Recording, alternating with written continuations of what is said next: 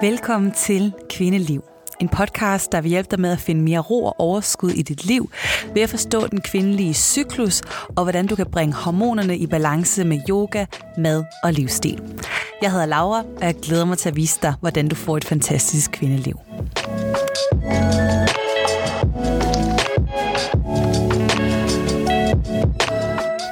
Denne her podcast episode skal du høre en optagelse fra, hvor jeg live svarer på et spørgsmål fra et af mine medlemmer på min yoga-platform Harmon Yoga for Kvinder. Og det her spørgsmål handler om mad og øh, hvordan man kan få et, et sundt forhold til mad. Så, øh, så det kommer fra en kvinde, der, øh, har, der døjer med PCOS, som er en øh, hormonel ubalance med forhøjet mængder testosteron. Og øh, hun har faktisk formået i 10 år at spise blodsukkerstabiliserende og, og leve efter de her regler, men, men hun er lidt i tvivl om, om hun skal fortsætte med det, eller om der er en anden måde at leve på. Så, øh, så jeg deler lidt ud af mine erfaringer og tanker omkring vores forhold til mad, øhm, og hvordan vi kan få et afbalanceret forhold, som ikke går ind og styrer alt for meget i vores øh, mentale øh, og psykiske helbred også. Og øh, kunne du tænke dig at prøve nogle af mine yoga-videoer af, som, øh, som jeg indimellem nævner, som man blandt andet også skal bruge til PCOS, til PMS, til alle forskellige hormonubalancer, så skal du altid være velkommen til at prøve det af. Inde på min yoga-platform kan du få syv dage gratis. Og øh, hvis du ønsker nogle opskrifter og inspiration til det, så har jeg en, en del liggende inde på min blog, som du gratis kan finde der. Så vil jeg bare ønske dig god fornøjelse med at høre mit svar øh, på den her Q&A med mine medlemmer.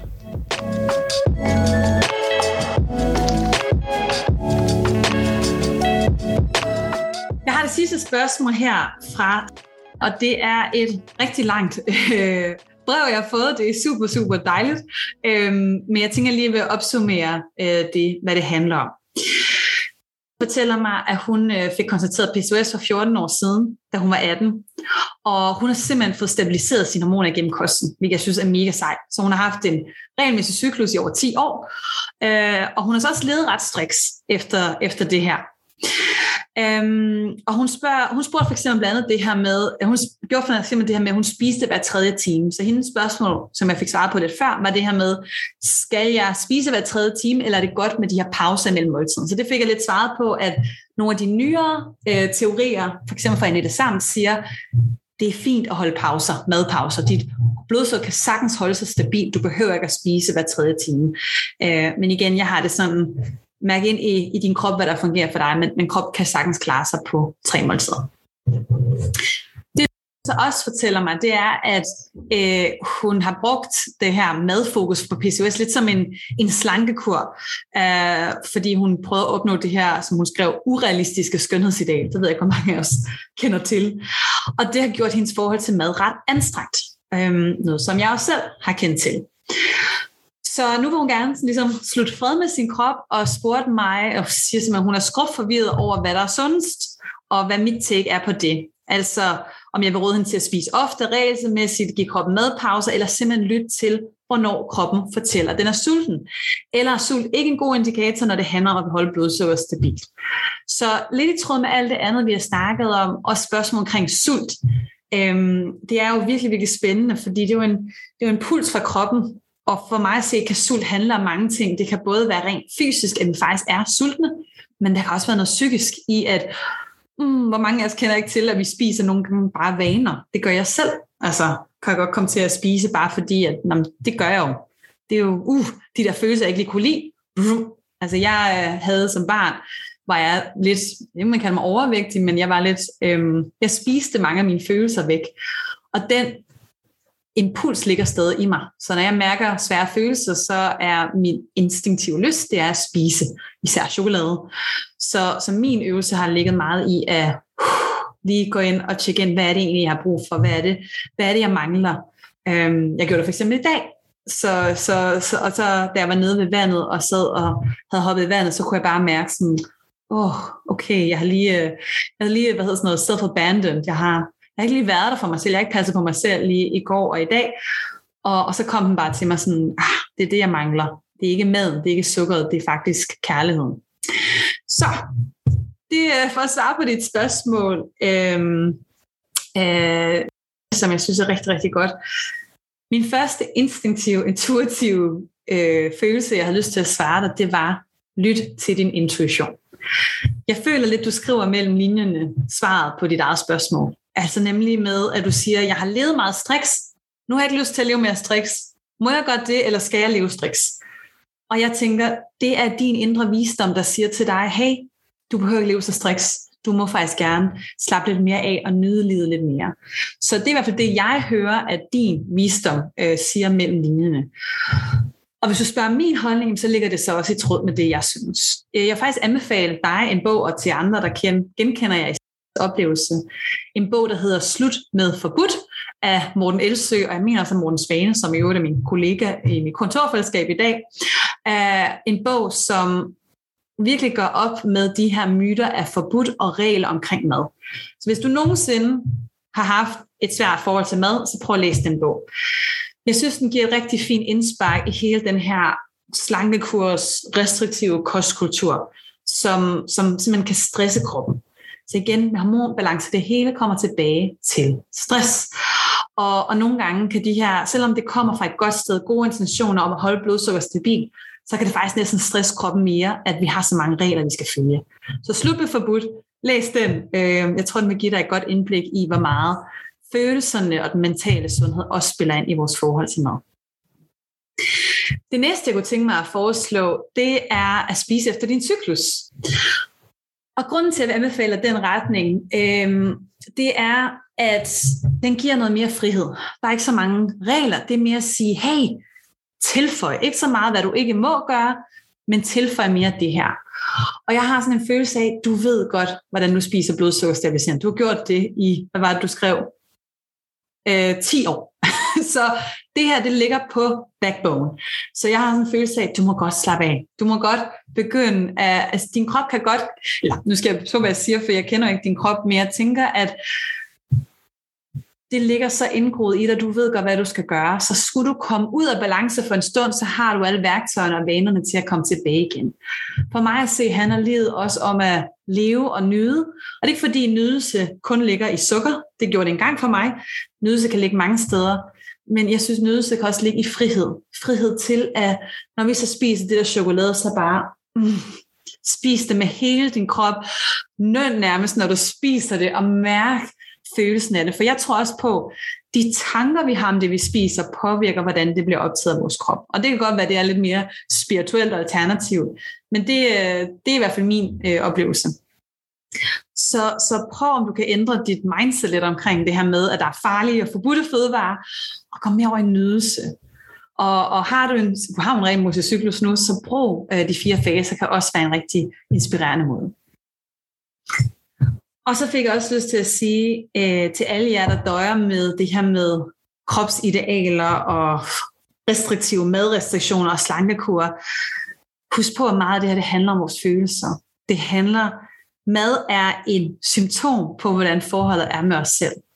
Og jo mere vi tænker over det, jo mere vi prøver at kontrollere det, jo mere øh, behov kan der være for at gå ind og, og, og, og arbejde lidt med forholdet til os selv. Jeg fortalte her selv, hvordan når jeg øh, kommer væk fra mig selv, når jeg forlader mig selv og kommer for meget ud i at sammenligne mig med andre, eller tænker meget negativt om mig selv, så spiser jeg meget mere. Så det er en indikator for mig om, hov, jeg er kommet væk fra mig selv. Så brug nogle af praksiserne fra jordelementet. Det vil sige meditation, grounding, jordforbindelse. Det er også at gå ud i naturen. Forskning viser simpelthen, når du går ud i naturen, så har du færre sådan, det, man kalder rumination, mange tanker, så det kan give dig ro i kroppen. Gå ud og kram et træ. Jeg ved ikke, at det lyder åndssvagt, men prøv at gøre det. Gå ud og få fødderne på græs. Igen, det kan være, at det lyder åndssvagt, men prøv at gøre det. Sæt dig på jorden. Det jeg ofte gør, det er, at jeg simpelthen lægger mig ned på græsset, eller på marken, eller hvad man lige har, og ligger bare der, mærker mod jord og slapper af. Prøv det af på egen krop. Det kan altså få en til sådan at komme ned i tempo. Ja. Og de sidste to ting, som jeg også har nævnt før, drik nok vand, og, øh, og sørg for at integrere træning. Det kan også hjælpe. Alle de her gode råd, jeg har givet i dag, se om de kan komme fra et selvkærligt perspektiv. Det her med at tænke i, det handler ikke om, at jeg skal spise alt det her for at få et 12 i, hvordan jeg skal få mit blodsukker stabilt, eller jeg skal have de her resultater. Prøv mere at tænke i, det var fordi du nævnte det her med, jeg har det bare bedre, når jeg spiser på den her måde. Så for mig, da jeg fik et blodsøsterbi, jo, i starten var det lidt mere kontrolleret i, at jeg sagde, okay, nu giver jeg mig selv tre uger, hvor jeg laver de her forandringer. Øh, jeg havde masser af sneakerskugler til at klare mig igennem, øh, når de her blodsukkersving kom. Da jeg så var kommet over på den anden side, og min blodsukker var stabil, og jeg prøvede at spise noget sukker, så fik jeg det så fysisk dårligt. Altså jeg kunne simpelthen, det var som om, jeg havde været på afvænding, og lige pludselig fik det her stof igen, og sådan helt, jeg fik simpelthen en følelsesmæssig enorm svingtur. Og den oplevelse gjorde, at da jeg så gik forbi en bager og så min store svaghed, som er en lemon meringue pie, så så jeg den, min tænder løb i vand, og så kunne jeg næsten fysisk mærke den der følelsesmæssige rutsjebanetur, at jeg tænkte, ej, det har jeg faktisk ikke lyst til, for det føles ikke rart, og jeg synes ikke, det er kærligt over for min krop. Og så gik jeg videre. Det kunne jeg aldrig finde ud af før. Men nu har jeg simpelthen mærket på min egen krop, det kom ikke fra et, jeg må ikke, det kom fra et, jeg har faktisk ikke lyst til at, at mærke det. Jeg har faktisk lyst til at have det godt, og jeg vil gerne behandle mig selv godt. Så det var bare lige fra min erfaring, jeg vil give det videre, at tænke i det her, kom fra et selvkærligt perspektiv, ikke fra en pisk, der siger, at du skal gøre det, fordi du skal ser lige, der kom nogle øh, kommentarer ind. Jeg læser lige det højt. Øhm, det var fra, der skriver, jeg vil prøve at lægge mere mærke til, hvordan jeg har det, efter jeg har spist noget, hvordan det påvirker mig. Om jeg kan mærke forskel, om der er noget, jeg har det bedre af end andet. Rigtig, rigtig god pointe at tage med. Jeg har faktisk på mit kursus sådan en blodsukkerrutsjebane kalder jeg den. Jeg se, om jeg kan, jeg kan dele med jer. Eller også, også kan I simpelthen bare fysisk mærke efter. Man kan også skrive ned, sådan, hvordan har jeg det efter et kvarter, en halv time, to timer, holde øje med resten af dagen. Øh, men ellers så kan man også sådan markere ind, har jeg sådan en, en lidt analog øvelse, man kan lave, hvis man ikke har en blodsukkermåler. Men, øh, men rigtig god idé. Jeg skriver, jeg har for nylig mærket mere efter i min krop, hvad den har brug for. Mere madro og nyde, hvis jeg spiser øh, off min kost, jeg plejer. Øh, flere gå til naturen, fem minutter yoga hver morgen og mærke efter min krop, og nu har jeg lært, at det er positivt, jeg er gået over til havremælk frem for sojamælk. Yes, herligt. Øhm, rigtig godt det der med at gå turen og bare fem minutter yoga om morgenen. Altså, det der med, hvis vi siger, at det skal være sådan, så kompliceret, at jeg skal lave to timer hver morgen, så får vi det ikke gjort. Så heller lige fem minutter og bare lige hånd på hjertet og tjekke ind. Øh, det jeg lige får lyst til at nævne, det er, nu nævnte jeg, at sojamælk ikke er det bedste for vores østrogenbalance. Hvis vi kigger rent blodsukkermæssigt, hvis vi bare har de briller på, så er sojamælk faktisk bedre, fordi det indeholder netop protein, det er mere blodsukkerstabiliserende, hvor havremælk, det indeholder øh, mere ren kulhydrat. Så det skal man bare lige vide med havremælk, at det påvirker sit blodsukker mere. Jeg vil stadig anbefale havremælk over sojamælk, fordi det ikke indeholder de samme mængder af planteøstrogener. Det var bare lige en ekstra pointe. Alright, venner, jeg tænker, at vi slutter her. Klokken er mange, og vi skal i seng, så vi kan få et stabilt blodsukker til i morgen. Så jeg er bare taknemmelig for, at I så med, både jer, der ser med live nu, og jer, der har set optagelsen, måske går rundt og hører det her som en podcast. Husk på, det kan I jo også gøre. I kan se optagelsen igen. Hvis nu der var noget, I ikke lige fangede og gerne vil høre igen, så kan I altså se optagelsen eller lytte til den. Tak for i aften. Tak for alle sammen. Tak for de medlemmer. Jeg værdsætter det alle sammen så meget. Og ønsker jer en rigtig dejlig aften. Og øh, vi ses næste gang. Ha' det godt. hej hej.